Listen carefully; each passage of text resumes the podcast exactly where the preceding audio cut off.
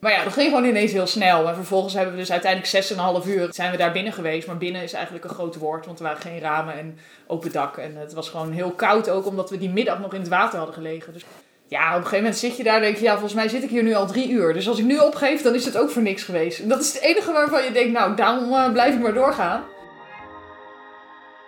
Welkom bij de Isabelle Veteris podcast. De podcast voor mensen die al heel veel weten over persoonlijke ontwikkeling, maar even power nodig hebben om in actie te komen. Ik ben psycholoog en in de topsport een van de sterkste vrouwen ter wereld geworden.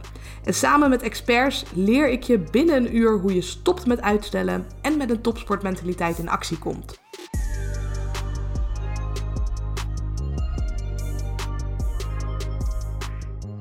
Ja, ik ben uh, Nuska, ik ben 34 jaar. Ik woon in Schiedam en uh, ik ben vooral bekend denk ik als bokser. Maar tegenwoordig ook een beetje als uh, commando. Dan ben ik op windsport ja. en dan roept er ineens iemand... Hé, hey, dat is die commando. En dat komt dus door deelname aan het programma Special Forces VIPS. Ja, daar hadden we het net al even ja. kort over. want hoe ging, jij, hoe ging dat, die deelname voor jou? Ja, uh, gebeld. Ja, ik uh, kwam terug uit Tokio. Dus ik had al die jaren topsport gedaan. En ik had al heel lang in het vizier van... Oké, als ik terugkom uit Tokio, dan is het klaar. En, dat was voor jou je laatste wedstrijd? Ja, ja, ja. dat wist ik al een tijd. En toen dacht ik van... Oké, nu, nu de benen omhoog, voet op de bank en klaar. En toen, ja, toen kwam het telefoontje. Wil je meedoen aan een tv-programma? Nou ja, even aangehoord. Ja, wat dan? En de eerste reactie was natuurlijk, ja, natuurlijk wil ik daar niet aan meedoen. Want wie, wie, wie wil hier nou aan meedoen? Ja, je gaat even zelfkastijding. Ja, uh, wat was de eerste Nederlandse editie ervan ja, ook, hè? maar je had wel de edities uit uh, Australië ja, en Engeland of zo. En ja, als je daar heel even naar kijkt, dan denk je wel een ellende. Dus, uh, maar goed, ik heb gezegd... huilen. ja, drama. Maar uh, ik heb gezegd, ja, laten we er even 24 uur over nadenken. En toen ben ik naar een survival club gegaan. Ook dacht ik, nou, ik ga gewoon ergens in een bos een beetje in een touw hangen. En als ik het ook maar een heel klein beetje leuk vind, dan doe ik het gewoon. Beetje natuurlijk aan mijn vrienden en familie gevraagd van, wat denken jullie? Ja, die zeiden allemaal super tof, tuurlijk. Ik dacht, ja, lekker makkelijk vanuit de bank uh, kijken. graag op de tv ja, heerlijk. Zou ik ook wel leuk vinden als zij gingen. Maar toen dacht ik, ja joh, let's go. En uh, ja, ja, dat is ook best snel gegaan, toch? Dat, het moment dat ze de deelnemers gingen zoeken bij Kamp van Koningsbrugge. Dan ja. geef je je op, dan kan je helemaal ja. trainen. Terwijl dit was allemaal best wel last minute begrepen. Ja, nou, ik was echt de allerlaatste. En uh, het was zo last minute dat ik smiddag zei, dat is goed. En uh, toen zouden ze me voordragen, zeg maar, aan, dat, aan het echte Videoland. Die zouden ze een vergadering hebben. Een uur later belden ze terug, nou, je zit erbij en geen weg meer terug. Terwijl ik het ook wel prima had gevonden als ik het nog twee weken zo'n beetje misschien, weet je wel. Maar het was gelijk uh, all set. En vijf weken later gingen we volgens mij.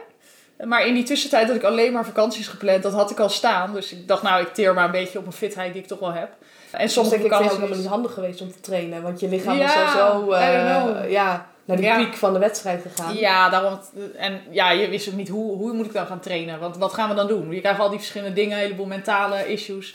Ja, daar kan je niet op voorbereiden. En uh, ik had wel geluk dat ik nog op vakantie ging naar Oostenrijk. En dat was een huttentocht. Dus met een rugzak op je rug de berg op. Ja. Nou ja wel een heel ander tempo natuurlijk, want we liepen daar gewoon, we deden er acht uur over, terwijl het eigenlijk uh, vijf uur voor stond. Maar achteraf was dat een prima voorbereiding. Ja. ja. En hoe was het toen die start van het programma? Want dan zit je nog eigenlijk met iedereen. Ja. Kon je al een beetje zien van wie gaat het wel halen en wie niet? Nee, totaal niet. Maar ik kende een heleboel van die BN'ers niet. Kende je Roy al? Ja, Roy, maar dat was ook de enige ja. waarvan ik van tevoren wist dat hij meedeed omdat hij, uh, ik train dus bij Hans Kroon in Rotterdam en hij ook. Ja. En uh, hij, hij zette iets op internet of zo van ik ben aan het voorbereiden voor iets. Ik mag niet zeggen, maar ik zag meteen, ik dacht meteen, dit, dit is het. Het was ook wel dus programma cool. voor hem, denk ja, ik. Ja, tuurlijk. En ja. je denkt, oké, okay, die, die gast die kan dit natuurlijk wel. En, uh, ja, ja en nee. Ik dacht dat hij er ook wel uit zou liggen, maar... Ze hebben dat bewust of onbewust wel gedaan met die opdracht. Toen moesten ze op een gegeven moment een heel stuk rennen voor de mensen die het niet hebben gezien. Ja, hij is 120 plus kilo is uh, behoorlijk pittig. Ja, ja, zeker. Maar ja, van tevoren weet je niet wat voor, wat voor nee, wat opdrachten, voor opdrachten er, komen. komen. Ja, je kan wel een beetje half inschattingen maken. Maar achteraf blijkt ook van dat... Don't judge a book by its cover. Zeker want niet. Het, uh, nee. Benoemden ze ook zo mooi van dat HAVO-5-lijf. Ja, wat ja. er eigenlijk niet zo heel sterk uitziet. Kijk bijvoorbeeld naar Regiel. Ja. Ik denk dat een heleboel mensen hadden verwacht vanuit uh, thuis van... Oh, die gaat er snel uit liggen.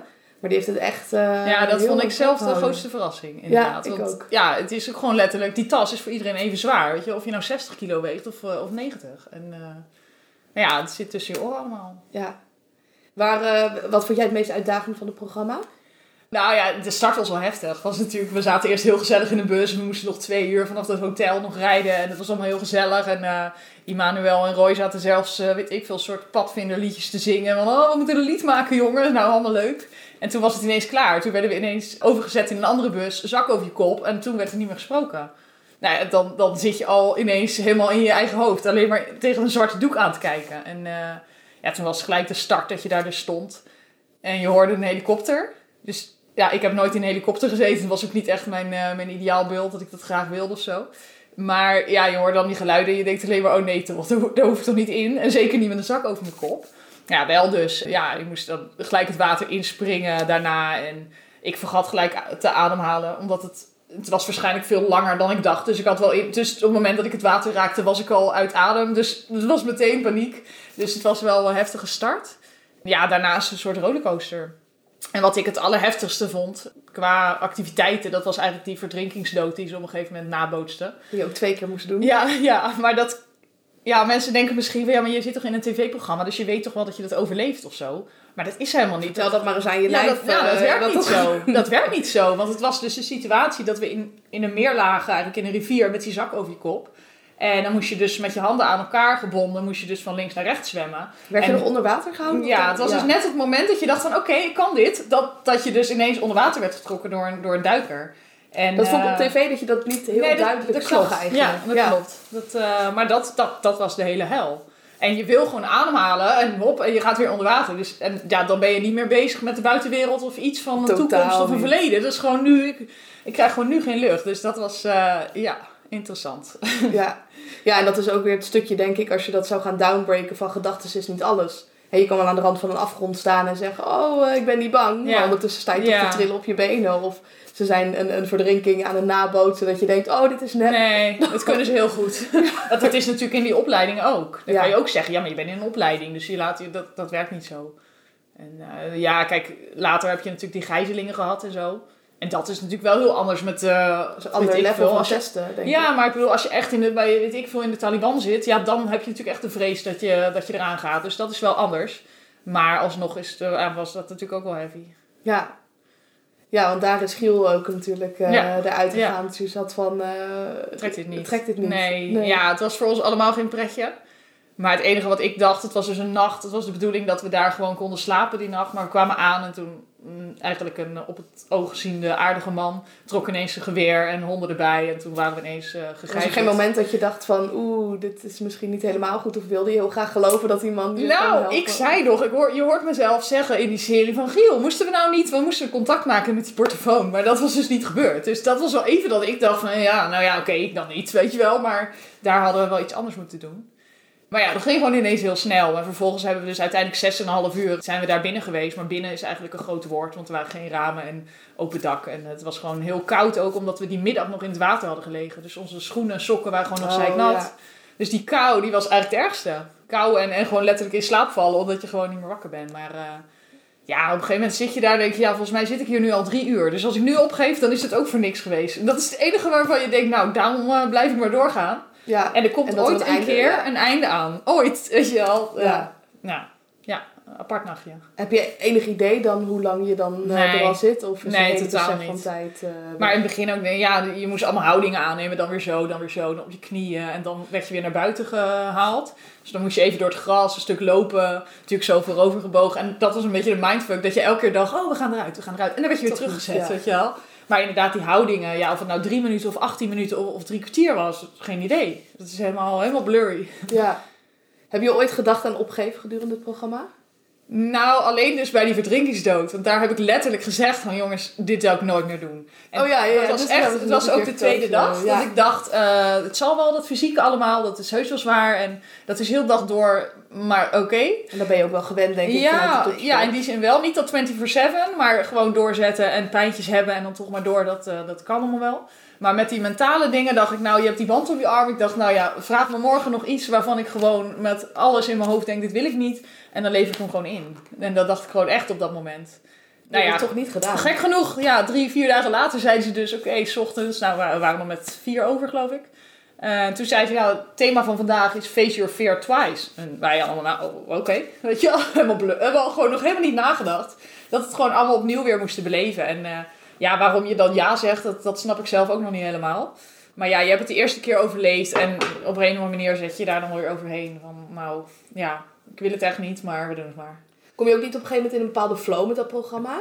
Ik heb dat vaak met trainingen, misschien is dat niet helemaal vergelijkbaar, maar aan het begin dan zie ik de training op het bord staan en denk ik, Oh no. wat gaan we doen? En de eerste paar rondes is pittig en op een gegeven moment denk ik, Ja. het is allemaal kut. Gaat en ik geef hem ja, maar het is gewoon echt. En, ja, eh, dat was ook wel. En dat was ook wel tijdens de opdrachten. Dat, eh, dat zie je ook wel terug. Dat we dan als groep soms die berg op moesten lopen met allemaal, eh, allemaal rotzooi mee.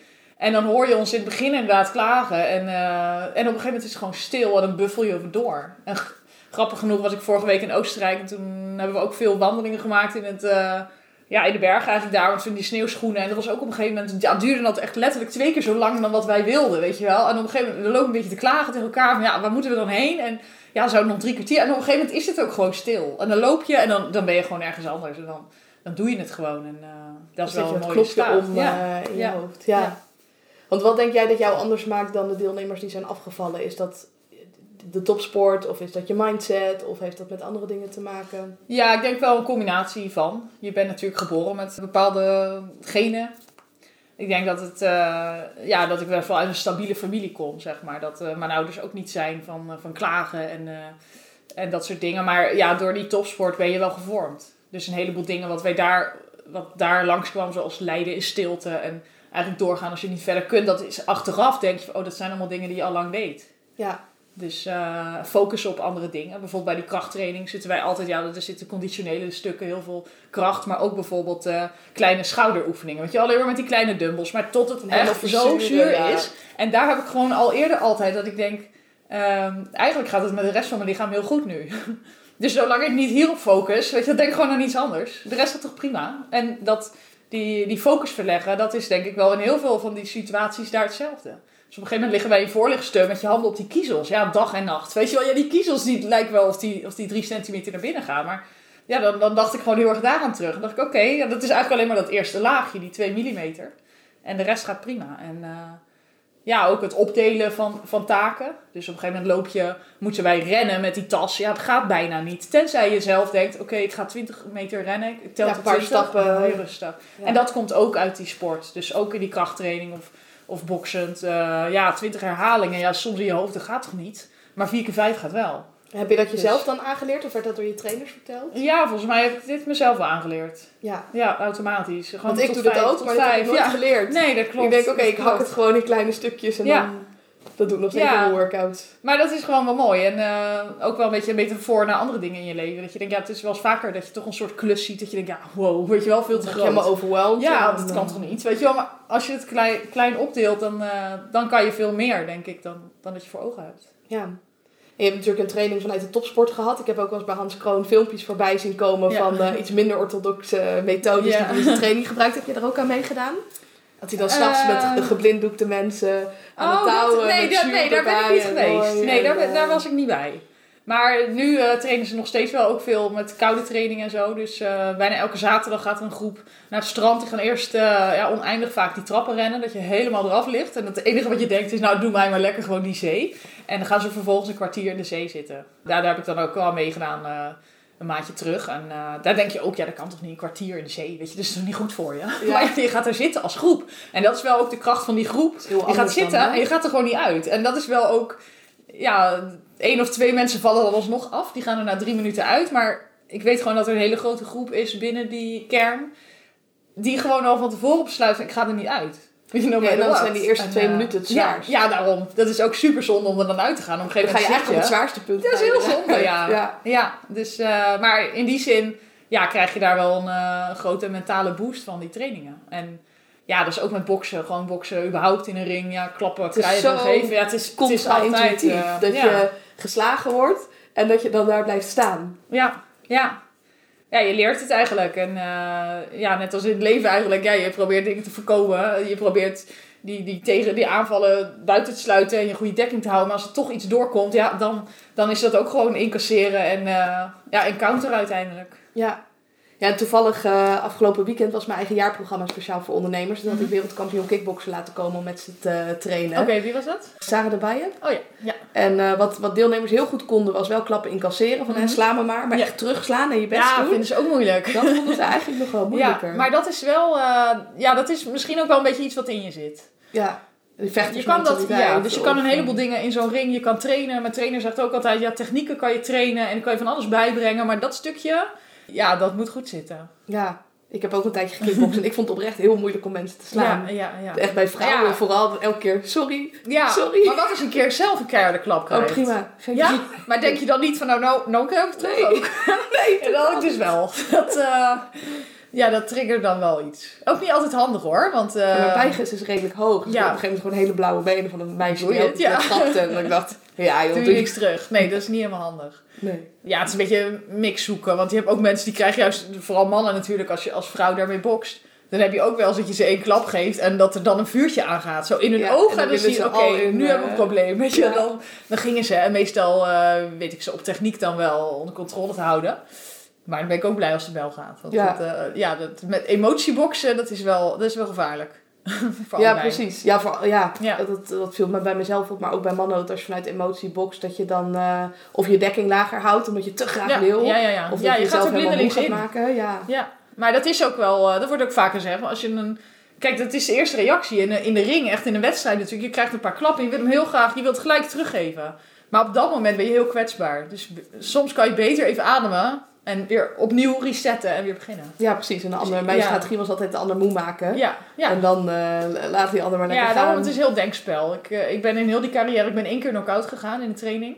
En dat was echt om dit. Ik kreeg een klap en het was vrijdagavond, laatste rondje. En ik dacht, laat ik het er nou bij of Pak ik pak hem terug? ik dacht dat ik hem ging terugpakken, maar toch niet. Ja, gewoon, ik deed gewoon een aanval, harde aanval. Die jongen stak zijn hand uit en toen was het klaar, weet je wel. Dat is gewoon omdat je roekeloos denkt, zo, nou ga je eraan. Ja, en dan Ja. gewoon in, de- in Ja. ze zien niks meer. Nee, Nee. Hoe ben je ooit eh, begonnen met sport? Wilde je altijd ook groot worden erin? nee Of, helemaal eh, niet. Helemaal niet. Ik ben helemaal niet zo'n eh, zo'n standaard topsporter. Zo van, ja, dat was altijd al helemaal niet. Nee, als we dat vind ik ook wel meevallen. Ik heb heel veel topsporters geïnterviewd en heel veel wilden eigenlijk wat anders worden. Ja. Die wilden dan profvoetballer worden en die werden dan uiteindelijk basketballer. Oh ja, nee joh, maar eh, ik, eh, sport was altijd voor de lol. Ja. Ik was wel op straat altijd buiten met vriendinnetjes en we waren altijd aan het sporten. Dus eh, dat wel. En ik deed hockey, ik deed atletiek, ik deed van alles. Maar als ik op dat hockeyveld stond, ergens achterin, en die bal die ging 10 meter naar rechts, er stond nog iemand, dacht ik, nou, perfect, pak jij hem Ja, aan, blijf kan ik hier lekker. Dus doen. helemaal niet zo fanatiek. En, maar toen ik 14 was, toen kreeg ik een vriendinnetje en die deed taekwondo. En die zei heel erg van, joh, ga een keer mee dan. En ik zocht wel iets nieuws. Maar vechtsport vond ik altijd maar voor agressievelingen. Dacht ik, nou, een beetje uit de buurt blijven. Eh, alleen ik ging mee, ik was er goed in, weet ik het. Ik ging snel die banden halen, weet je, gele slip, gele band, groene, eh, hoppatee door. En toernooien, oké, ja, gaaf. En daar is het gewoon allemaal gekomen. Dat je steeds beter wilde worden en eh, ja, ook wel gehard werd eigenlijk door, door hoe de jongens je daar aanpakten. En, Train je veel met de mannen? ja, ja, ja. Al was er in de taekwondo wel meer een mix. Weet je, daar heb je echt mannen, vrouwen, jong en oud door elkaar. En de eerste bokstraining was meteen dat je dacht, oh, oké. Weet je, allemaal mannen van 40 om je heen, allemaal bierbuik, zweet over en weer. Geen vrouw te bekennen, was een heel ander verhaal. Dat was eigenlijk toen ik 18 was, zwarte band behaald. Ja, eigenlijk gelijk op zoek naar iets nieuws. En eh, ik wilde beter worden in het taekwondo en daarom ben ik die bokschool binnengelopen. Eerste training, nou, eh, vond ik niks aan eigenlijk. Het was heel zwaar, maar ja, niet echt eh nou, niet, leuk. voor boksen?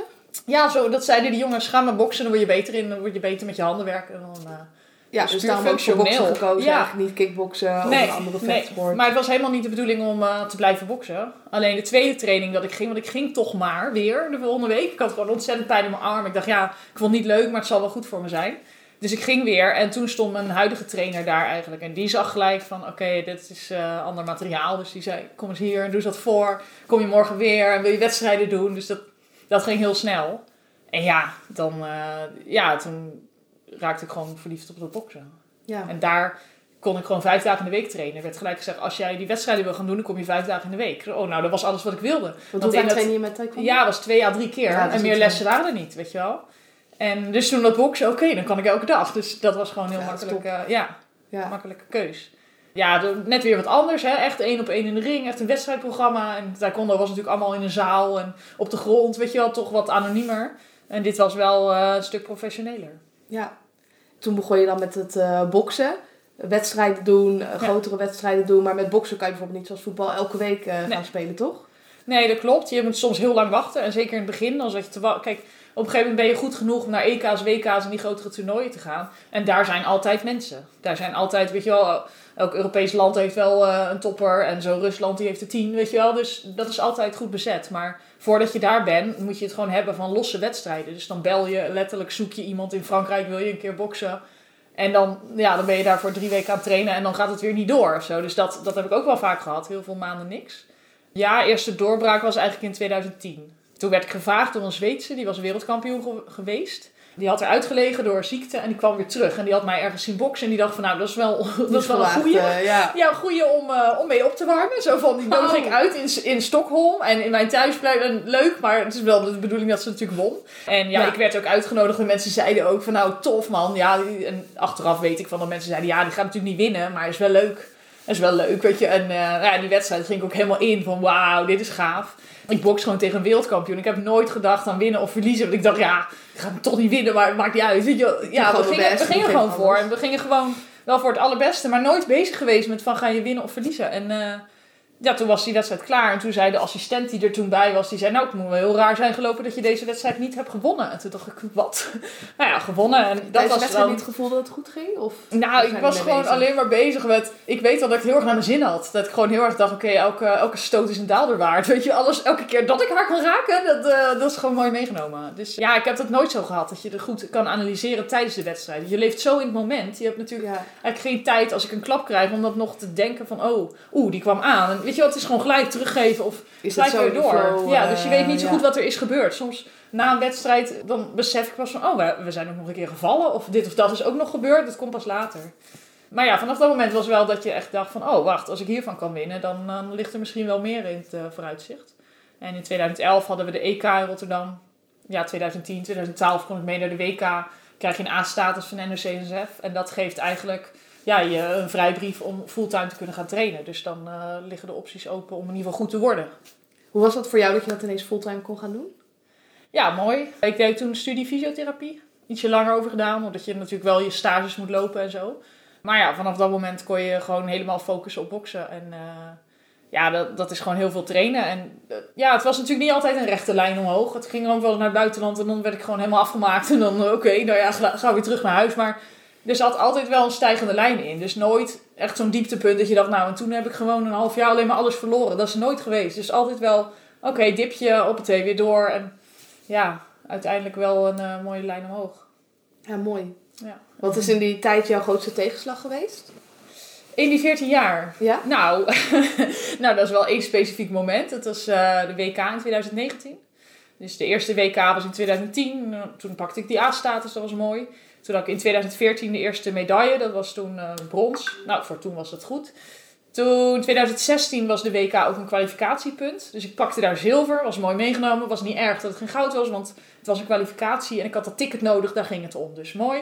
Toen in 2018 stond ik weer in de finale van het WK. Ja, dan denk je wel van ja, nu wil ik wel dan dat goud. Maar dat gebeurde niet. Ik verloor weer en eh, pakte weer zilver. Toen in 2019, toen wist ik oké, dit is mijn laatste kans. Dit is mijn laatste WK. 2020 ga ik stoppen.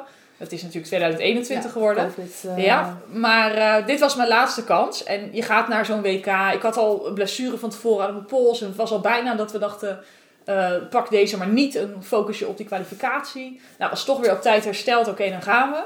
En je weet nooit hoe het gaat op zo'n WK. Je kan er ook natuurlijk eerste ronde gewoon gelijk uitvliegen. Dat, dat kan ook wel eens. Je kan een blessure oplopen. Maar ja, ik weet niet hoe het was. Maar een week later stond ik weer in die finale. Dus weer dat je denkt, oké, dit, dit is echt mijn kans. Dit is het gewoon. Ik moest tegen een tegenstander waar ik eerder wel van had gewonnen, maar ook een keer verloren. Dus je wist gewoon, vandaag moet alles kloppen. En eh, ja, heel duidelijk een gameplan ja, opgemaakt.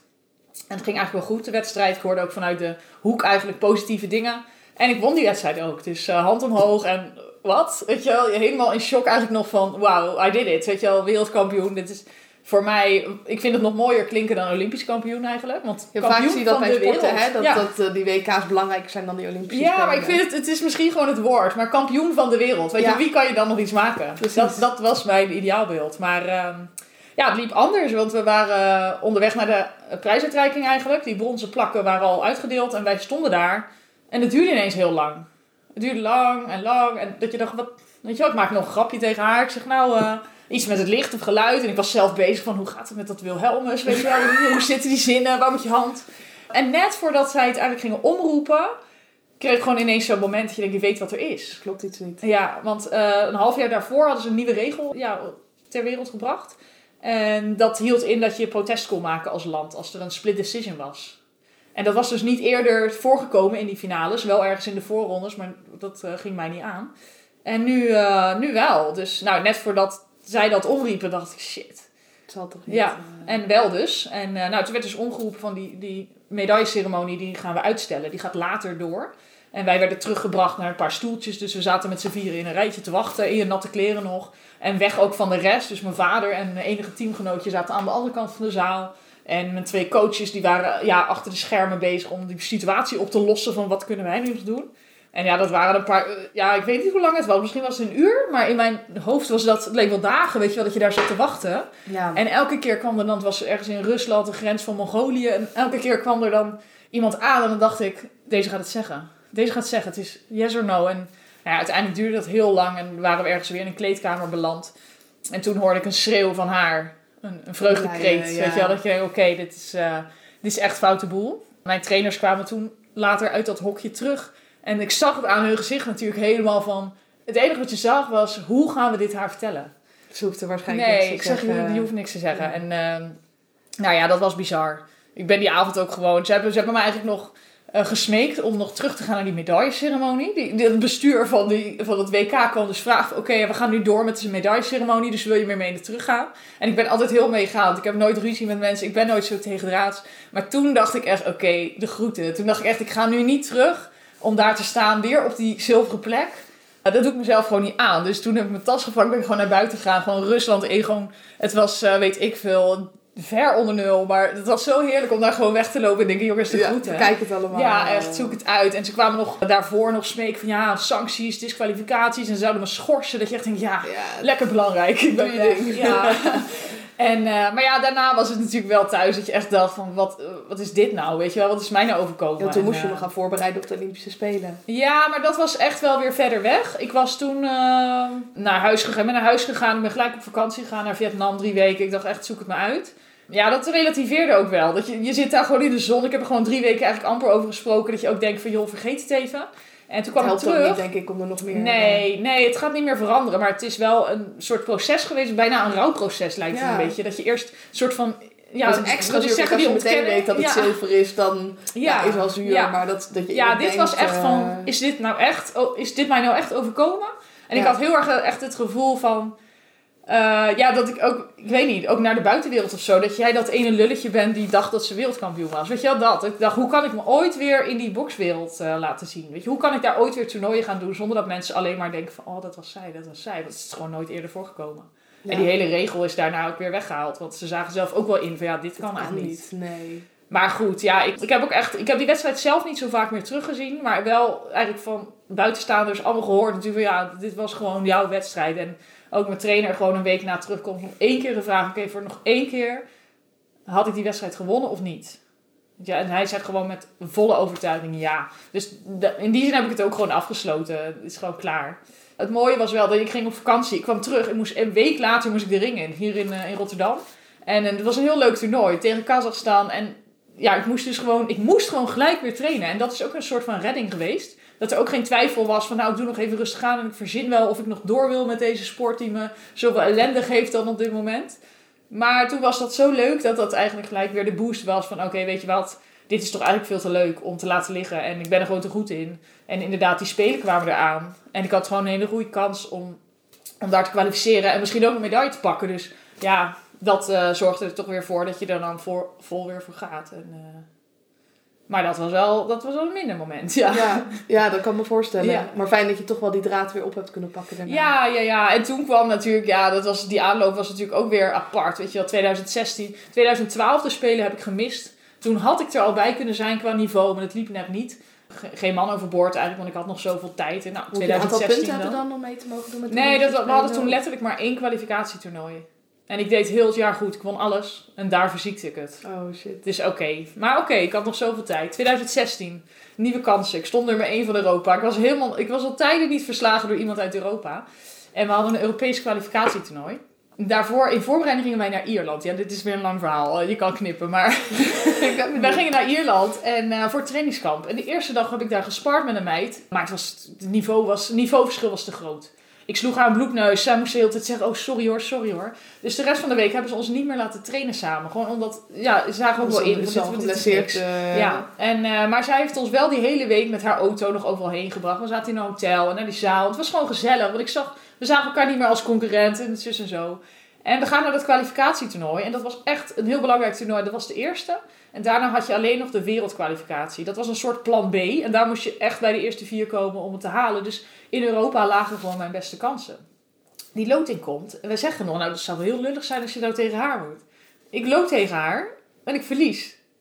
Je, je snapt gewoon niet hoe, weet je hoe dan. Maar ja, dat was ook weer zo'n mooie les. Maar eh, ja, ik ging die wedstrijd met zo'n andere vibe in dan zij. Want zij wist, ik wist dat ik eigenlijk ging winnen en zij wist dat ze ging verliezen. Ja. En zij wist dat, maar ze dacht, ja, wat er ook gebeurt, ik ga gewoon hier een leeuwhard, ik ga erin en ik ga alles geven wat ik heb.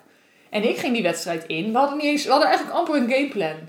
Yo, doe gewoon je ding, weet je wel. En na één ronde dan evalueren we wel hoe het anders moet. En eh, zorg vooral dat je niet geblesseerd raakt. Ja, dat is natuurlijk een hele andere insteek. Dat kan niet. Dat ik met 10% erin ging en zij met 120. En nou ja, was die die dan bij de, na de eerste ronde? Was het van, Ja, oh shit, alles nou, ik was gewoon, ik was gewoon eh, niet scherp. Ik Ja. was niet scherp. Ja. Doordat ik gewoon niet goed voorbereid was. Gewoon mentaal. En een hele Te goede laks. les. Ja, dat kan gewoon niet. En achteraf denk ik, hoe kon het dan op zo'n toernooi? Maar ja, de, ja, weet je, omstandigheden. En, ja, het was gewoon eh, eigenlijk een onderspanning, zo kan je het noemen. Ja. Dus ik lag Ja, je hebt een bepaalde vorm van Ja. focus ook weer Ja, zeker. nodig. Zeker. eh. En dat, dat, nou, sindsdien weet ik dat.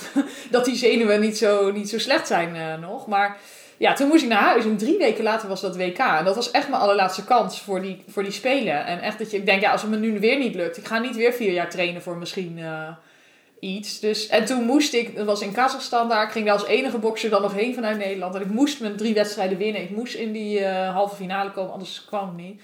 En ja, godzijdank is dat gelukt. Maar dat was wel, de, ja, dan... Kantje bord. Ja, dan, maar dan is de druk zo hoog. En wat vooral ook heel lastig was daar, was dat ik terugkwam van het eerste kwalificatietoernooi.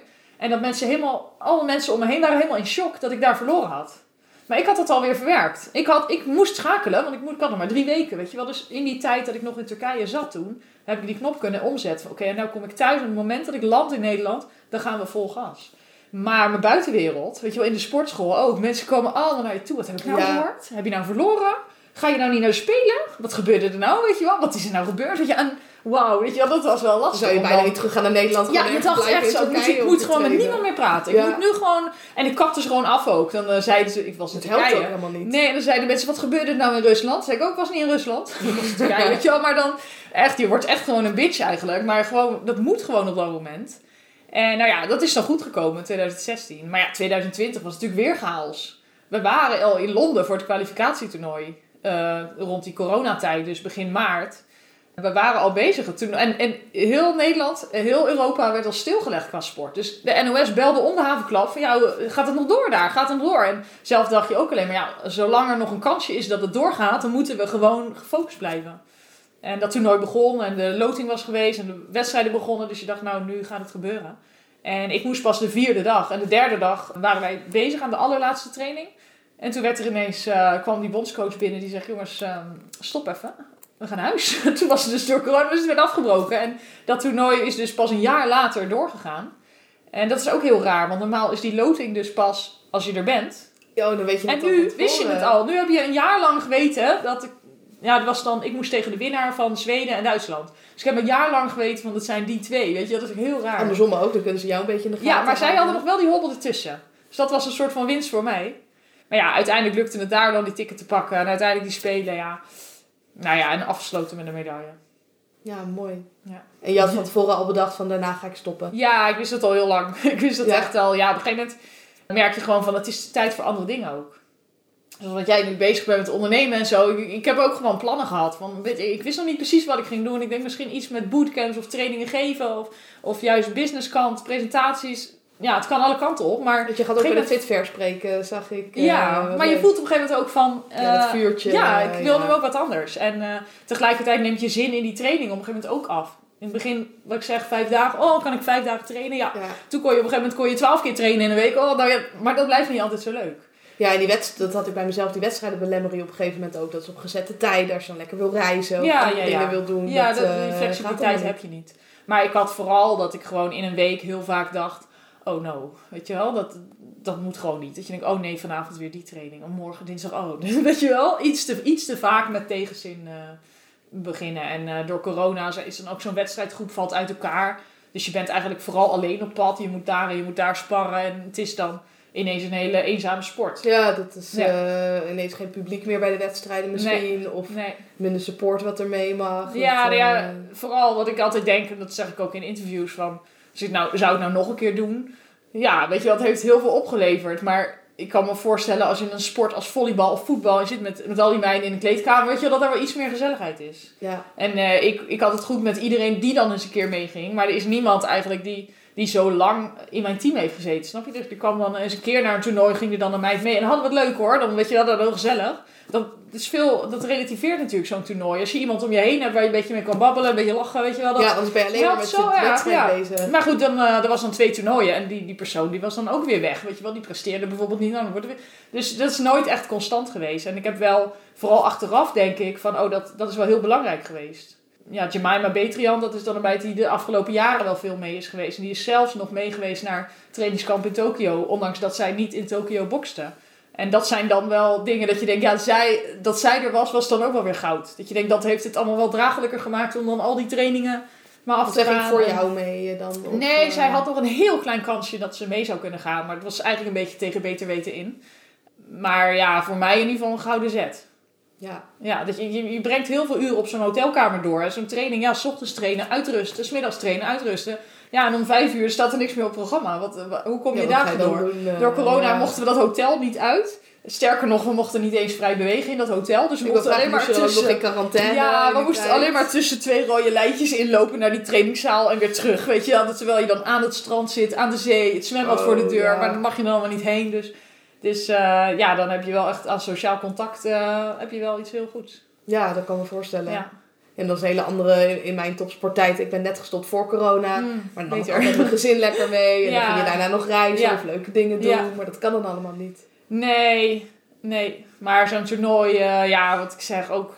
In, in trainingskamp is het zo, maar zo'n toernooi al helemaal. Je hebt een wedstrijd per dag, de rest van je dag hang je een beetje op die kamer. Ja. Ja, hang je dan in- alleen in New Delhi, in Mongolië, in weet je wel, Kazachstan. Het zijn ook niet echt uh, de omgevingen vaak waar je, waar je iets kan meepakken. Maar uh, Ja, je bent natuurlijk te veel nog met de wedstrijd bezig om echt uh, erop uit te gaan. ja, ja, nee, is een en al focus, alles gaat langs je. Ja, die dagen voor die wedstrijden. Kijk, als je na die wedstrijden nog een week zou plakken, dan kan je dingen Ja, dat deed ik meestal, maar dan Ja. richting de wedstrijd, dan ben je zo Nee, gefocust ja. daarop. Dan uh, Ja, was veel Netflix op de kamer. Ja. En, uh, Ja, en ook gewoon jezelf cool houden. Je bent echt, voor zo'n wedstrijd ben je jezelf alleen maar aan het coachen. ja. Ik heb die, ja, die, die tijd voor een wedstrijd. Ik ben niet gelukkig hoor voor een wedstrijd. Dan, uh, Ik, wil er, ik, ben, nee. ja, ik ben te enthousiast, dat moet zeg maar die dag zijn. Je moet die tijd toch gaan uitzitten, maar je Ja. kan niet echt iets gaan doen in nee, die maar tijd. je, je bent zo met je. Ik ben ja. Bij ons heb je dan op een gegeven moment die loting. Oké, dan, Ja. dan lood je een En je bepaalde ik weet niet of jij met weging nog bezig was. Of, ja, eh, viel mee. Had ik meestal wel goed onder controle. Oh ja. Ja, ik moest dan nog wel wat gewicht verliezen. Oh ja, dus nou, dan, dus ook niet genieten dan op de heenweg. gewoon een blaadje sla en een wortel als het mee zit. ja, nee, en heel veel water niet. drinken. En Ja, gegeven moment stoppen oh ja, ermee. ja. Dus- Nee, je moest wel rekening mee houden in die zin van... Altijd zo'n toernooi is natuurlijk ergens in, in Europa vaak met een vliegtuig. Je komt aan met het vliegtuig volgende ochtend wegen. Ja, weeg je zomaar een kilo of anderhalf kilo zwaarder dan normaal. Dat is ook... eh, dus dat was soms wel eh, een kantje boord, maar... Maar ja, ik vond het vooral zwaar dan je loopt een tegenstander. Daar heb je al verleden mee, weet je wel. Ik heb vaak al bijvoorbeeld boks tegen iemand waar ik al drie keer van heb gewonnen. Dat lijkt dan makkelijker te worden, maar dat is het ni- weer niet. Nee, weer datzelfde verhaal als wat je Ja, net vertelde. maar ze- je wat ja, je, ja, en je denkt ook van ja, maar zij gaat nu ook wat anders doen. En vorige keer was het heel erg nipt. Dus eh, weet je wel, je, gaat, je maakt je hoofd gek als je daar de hele tijd naartoe gaat. Dus je bent jezelf de hele tijd een coachen van oké, we hebben afgesproken dat ik dit en dat ga doen. Take it easy en gewoon Maak dat je echt een strategie voor elke wedstrijd? Ja. Ja. Hoe ziet zo'n strategie er dan bijvoorbeeld uit? ja, je hebt allemaal verschillende stijlen in boksen. Dus ik ben best wel lang. Voor 75 kilo ben ik best wel lang. Er zijn nog mensen die nog langer zijn. Uh, maar normaal zijn zij wat, wat kleiner. Dus wat wil ik dan? Dan wil ik ze op afstand houden vaak. Uh, ja, je moet altijd denken van, is die ander sterker dan ik? Of ben ik sterker? Want als ik sterker ben, dan moet ik erop af. Dan moet ik knallen, knallen en niet meer stoppen. Dat soort dingen. Ja. Uh, je hebt mensen die andersom voor staan. Dus de meeste boxers staan links voor. Maar als je linkshandig bent, sta je rechts voor. Werkt alles andersom. Ja. Je hebt mensen die aanvallen. Ja, je hebt mensen die aanvallen. Mensen die alleen maar counteren. Nou, als jij alleen maar countert, dan kan ik niet zomaar gaan aanvallen. Want dan pak je mij. Dus dan moet ik dan niet zo verzinnen. Dan moet ik schijnbewegingen doen. Of dan moet ik eh, een eerste aanval doen en een tweede. Of dus dat soort dingen. Ja. En, eh, maar het is dus een extra lastig als er al verleden is. Dat je denkt, ja, maar vorige keer deed zij dit. En eh, ja, gaat ze dat dan nu weer doen? Dat weet je ook Of niet. Gaat Dus, je daarop aanpassen? ja. Of, eh, Ja. maar zo'n dag ook, je, je plant het helemaal in. Dus als ik om zes uur s'avonds box, dan is mijn hele dag al... Dat had ik dan al uitgeschreven. Oké, ik moet 's ochtends om zeven uur wegen. Dus de wekker gaat zo laat. Wegen, Hoe ziet zo'n dag dan eten. Ja, nou, ja, ontbijten. Wandelen. Altijd, altijd nog, hebben we nog wel een wandeling met coach. Weet je wel, oké, nog een keer er luchtig doorbespreken. Even wat anders. Ja, vooral dan die eetmomenten ertussen. Maar ook duidelijk inderdaad van... Oké, dit zijn momenten dat ik er niet mee bezig ben. En dit- nu ga ik even heel duidelijk mijn ogen dicht doen. Dan ga ik even visualiseren wat er straks gaat gebeuren. Dus dat heb ik eerder wel eens uit een boek gehaald volgens mij. Dat daar zo heel staat. Oké, als je gaat eten, ga je eten. Ga je slapen, ga je slapen. Dat je dat heel erg scheidt. Ja, dat je Ik niet de hele tijd nee, met dat boksen bezig Nee, bent. want ook als je gaat eten en dan zei iemand in het begin wel eens, die ging dan over die wedstrijden beginnen, dacht ik ja, kan mijn bord nou neerleggen, want dan komt er geen hap meer naar binnen, Nee. weet je wel. Dus als we aan het eten zijn, zijn we aan het eten. En straks ga ik er weer over nadenken. Ja, dat gameplan, dat, dat, stra dat stroomt maar door je hoofd, keer op keer. Ja, En dan was het altijd heel duidelijk geschreven, oké, hoe laat moet ik boksen? Hoe laat moet ik in de hal zijn? Hoe laat begin ik mijn warming-up? Hoe laat vertrekken we vanuit het hotel? Hoe laat eet ik? Hoe laat ga ik onder de douche? Altijd onder de douche, altijd een koude douche en gaan. Altijd. ja. Dat, en waarom eh, een koude douche? Ja, dat was op een gegeven moment. Ja, ik, ik wilde me voorbereiden dat dit heel erg zou worden. Snap je zo'n wedstrijd? Ik wil me voorbereiden, oké, het wordt de hel. Vanmiddag moet je alles geven. Straks heb je drie keer drie minuten, maar je moet dieper gaan dan ooit. En dat weet niet altijd of dat zo is, maar daar moet je je wel op voorbereiden. En die douche was een soort van eerste drempeltje altijd. Ik dacht van, oké, Als je dat al hebt overleefd. nou ja, ik dacht, ik voel die kou en ik denk, ja, als je dit al erg vindt, dan moet je straks eens meemaken. Snap je? Dus ik doe het juist ja. andersom. Ik douche koud en ik denk, oké, dit heb ik al gedaan. Ja, dat ook Ook dag zien. kan meevallen. Ja, oh nee, nee, nee, nee. Nee in deze wedstrijd, voor zo'n wedstrijd moest het Ja, andersom. Oké, vind je dit erg dan? Moet je wachten tot het straks komt. Dat Ja. is pas erg. Ja, ga maar Dus, vast ja, aanstaan. maar helemaal, ik doe net zo lang tot ik helemaal cool ben en dat het me niks weer deed. En dan, eh, ja, het is natuurlijk ook beter dan een hele warme douche en helemaal lauw daar Helemaal chill eigenlijk. gaan. Ja. Dus dat was altijd, oké, nou gaat hij op koud en nu, nu is het on. Ja. Maakt het je ook niet wat hard aan het boksen? Qua emoties, dat je dat helemaal kan uitzetten. En Ehm, hoe ga je daarmee om? Ik denk dat dat wel meevalt. Ja. Ja. Ja, ja, denk ik wel. Je moet het eigenlijk om- aan je omgeving vragen. Maar ja, ja, je hebt natuurlijk wel bepaalde dingen, weet je wel, dat je soms denkt, ja, eh, weet je, als iemand dan zegt van, ja, ik heb een beetje last van mijn pols of een beetje zo, dan denk je, ja, nou ja. Nee, maar weet je wel, als ik die of die beweging maak, ja, maak die beweging even niet, weet je wel. Dan denk je ook, dan ben je wel een beetje simpeler soms, een beetje eh, effectiever of zo, stoïcijns. Ja. I don't know. Dus ook wat is je referentiekader? Jouw referentiekader van pijn is een Ja. heel ander Ja. kader dan van iemand anders. Ja, Of wat voor mij zwaar is, is heel anders dan wat voor eh Truus om de hoek eh, ja, ja. Ja. ja, klopt. Ik heb hetzelfde met bijvoorbeeld geld. Ik heb behoorlijk wat geld in mezelf geïnvesteerd. Als mensen zeggen, oh, dat is echt duur. En dan vraag ik, hoeveel is dat dan? Ja, 100 euro. Ik, ja, heel ander Mooi. referentiekader. Ja. eh, Ja. ja. ja. mooi. En douche je nog steeds koud? Eh, nou, soms. Maar ik vind dat dus niks om dat elke dag te doen. Want dan denk ik weer, ja, dan gaat de charme er weer vanaf. Dan Ja. ben ik een beetje bang voor. Dat ik dan denk, ja, dat ben is bij jou weer wedstrijdritueel. eh, of, Ja, nou ja, inderdaad gewoon soms. Weet je wel, soms om juist even die trigger op te zoeken. Maar ik zou ook niet weten waarom ik mezelf elke dag zou moeten aandoen. Je het leven moet vooral leuk zijn. Maar eh, ja, met al die, dat is echt met al die uitdagingen. Die wil ik juist soms hebben. Omdat, ook wat ik zeg van de House of Champions waar ik dan train. Die gaan elke week naar de zee. Dat vind ik leuk om te doen. Omdat, het, omdat ik van tevoren denk, zou ik het kunnen? Zou ik dat kunnen? Ben ik gewoon heel benieuwd naar. Dan kan ik het. Dan denk ik, ja, nou zie ik niet de noodzaak om volgende week weer te gaan. Snap je? Dus ja, eens in zoveel tijd. uitgespeeld. Precies. Ja, ja, dat snap ik ook wel. Het is elke keer weer wat nieuws, weet je wel. En eh, ik weet niet wat er nu nog op mijn pad komt, maar ik, ik vind het leuk om gewoon elke keer wat nieuws te doen. Dus ehm, ja, laatst, ik ben dus gaan survivalen door dat programma. Nou ja, dan ga je meedoen aan een obstacle run. En eh, weet je wel, dan denk je, oh, oké, kan ik volgende keer ook gewoon een dubbele afstand doen of zo. Weet je wel, dus zo wel eh, uitdagingen opzoeken. Maar eh, ja, misschien niet te lang blijven hangen in hetzelfde. Want nu, nu voel je ook juist, joh, ik kan nu alles doen. Voorheen moest je boksen en naar die krachttraining, boksen, krachttraining. Weet je, altijd zo. dan wordt het nu een beetje bepaald. kan je gewoon van alles eh, doen en dat vind ik gewoon heel leuk. Dus inderdaad, de ene Ja. keer aan die crossfit doen en die gymnastics, dat leek me leuk. Dan ga ik gymnastics doen. Survivalen en weet ik het, nodig me uit en I'm in. Nou, kom een keer crossfitten. Ja. ja. ja. En wat houd je nu bezig nu je gestopt bent met eh, topsport? Uh, nou, ik ben weer lekker op vakantie geweest, twee weken lang. Dus dat is ook dat je, dan heb ik altijd al gezegd van, nou, als ik niet meer in dat strakke regime zit, dan ga ik niet zes dagen op windsport. Waarom blijft het niet langer? Dus dat heb ik nu gelijk in de praktijk gebracht. Uh, nu ben ik terug en dan is het ook wel weer tijd voor business. Want ik ben nu wel veel uh, bezig met spreken voor groepen en ook boxclinics. En dat doe ik onder andere bij Eiffel in Arnhem. is een bedrijf wat veel doet met topsport. Zij hebben me ook van de zomer gebeld en dat is een gouden stap geweest. Dat je ook denkt van, nou, je wil die transitie maken. Maar het is natuurlijk best wel onzeker als je vanuit het niks moet denken van oké, ik ga iets opzetten. Ja, dat gaat natuurlijk niet ineens keihard lopen. Dus het scheelt wel, denk ik, met je achtergrond dat ja, je wat naam hebt gemaakt. Ja, ja, zeker. Maar toen kwam natuurlijk ook corona. Dus ja. toen, nou ja, van alle dingen die er dan in die agenda kwamen, een heleboel doorkrassen. Ja, het spreken heb ik ook nog wel gedaan, maar dan online. Maar ik ga daar helemaal niet lekker Nee, ik heb het vanochtend nog gedaan. Eh, Verschrikkelijk. Oh, ja, ik, vind, ik vind het wel leuk. Alleen die techniek erachter, er is altijd weer wat. Weet je wel, dan is de wifi... met de groep. Ja, je ziet ze soms niet eens. Weet je, dan heeft iedereen de camera uit. Dus dat is echt minder. Maar gelukkig gaat dat nu weer de goede kant op. En, uh, dus dat doe ik deels bij Eiffel en deels ook zelfstandig. En uh, mensen weten me best wel te vinden. En uh, het is wel ook een hele reis. Want ik heb natuurlijk eerst een verhaal verzameld van oké, dit ga ik de mensen vertellen. En op een gegeven moment ja, ga je daarin evalueren of zo. Dan wordt het wat anders. Dan vind ik dat ik wat anders moet vertellen. Of mensen vragen van oké, nu willen we dat het over samenwerking gaat. Of nu willen we een ander thema. En dus dat is nog helemaal vloeibaar eigenlijk. Dat, dat wordt ja, en je hebt ook zoveel dingen om over te spreken. Je hebt ja, dat een divers verhaal daarin. Ja, ja daarom ja, je moet eventjes kijken van waar ga je op richten. Op welke verhalen ga je eruit pikken en uh, waar hebben de mensen behoefte aan. Dus, uh, maar het is wel heel leuk en ook veel met jongeren tegenwoordig bezig. En dat is ook voor jezelf dan uitvinden van welke doelgroep past er eigenlijk bij mij. Dus ik ben bokslessen gaan geven. Nou, op een gegeven moment aan kinderen van 9 tot 12 jaar, nou, dat wordt het niet. Weet je, dan kom je dan heel erg snel aan, oké, weet je, ik ben geen kinderjuf. En dan daarna van 16 tot 20 vond ik super leuk. Weet je, dus dan denk je ook, je moet voor jezelf daar eigenlijk uh, met vallen en opstaan kom je daarachter. Van wat past dan wel en wat is... Ja, waar krijg je energie ja, van? Precies. Ja, ja. Gewoon een heleboel doen en daarna een beetje schrappen. Ja, en ik heb mezelf ook gewoon bedacht van oké, weet je wel, je bent in augustus gestopt. Ik neem gewoon een jaar om te kijken of dat dit het is. Of dat dit is wat ik kan, zeg maar. Tot welke hoogte kan je dat dan?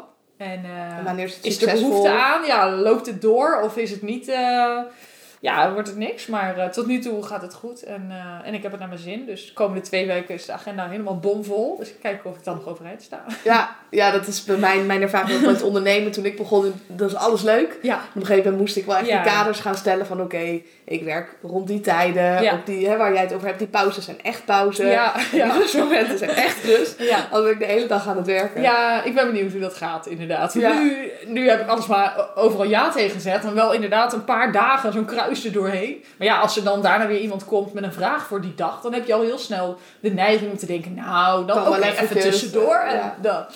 Dus dat is wel een zoektocht, maar leuk. Ja, ja, precies. En je hebt gelukkig al de hele bagage van al die kaders die je kan stellen. Of alle mindset dingen die je kan toepassen. Dus ja, dat, uh, ja, ja. ja. Dus, uh, nu nog in dus het is nu gewoon lekker spelen. ja, Eigenlijk, uh, ja. Heb je hele grote ambities voor de toekomst? Of is het vooral lekker doen wat je leuk vindt? Nee, voorlopig niet. Maar het lijkt mij wel mooi om, uh, om impact te kunnen maken. Op, op wat voor manier dan ook. Dus toen ik juist net terugkwam van die Special Forces, dan hoor je die mannen praten. Die hebben een week op ons ingepraat. En daarvan denk je echt, oké, okay, wauw, dit ga ik nooit mijn leven meer vergeten. En misschien komt dat omdat je zelf zo diep gaat. Omdat je een week daar bent, gewoon fulltime en uh, heftige dingen doet. Maar ik denk ook wel, mensen die dat programma kijken, die denken ook wel, weet je, die zien ook van, oh wauw, wat zij zeggen, dat, dat makes sense. Weet je wel? Ja.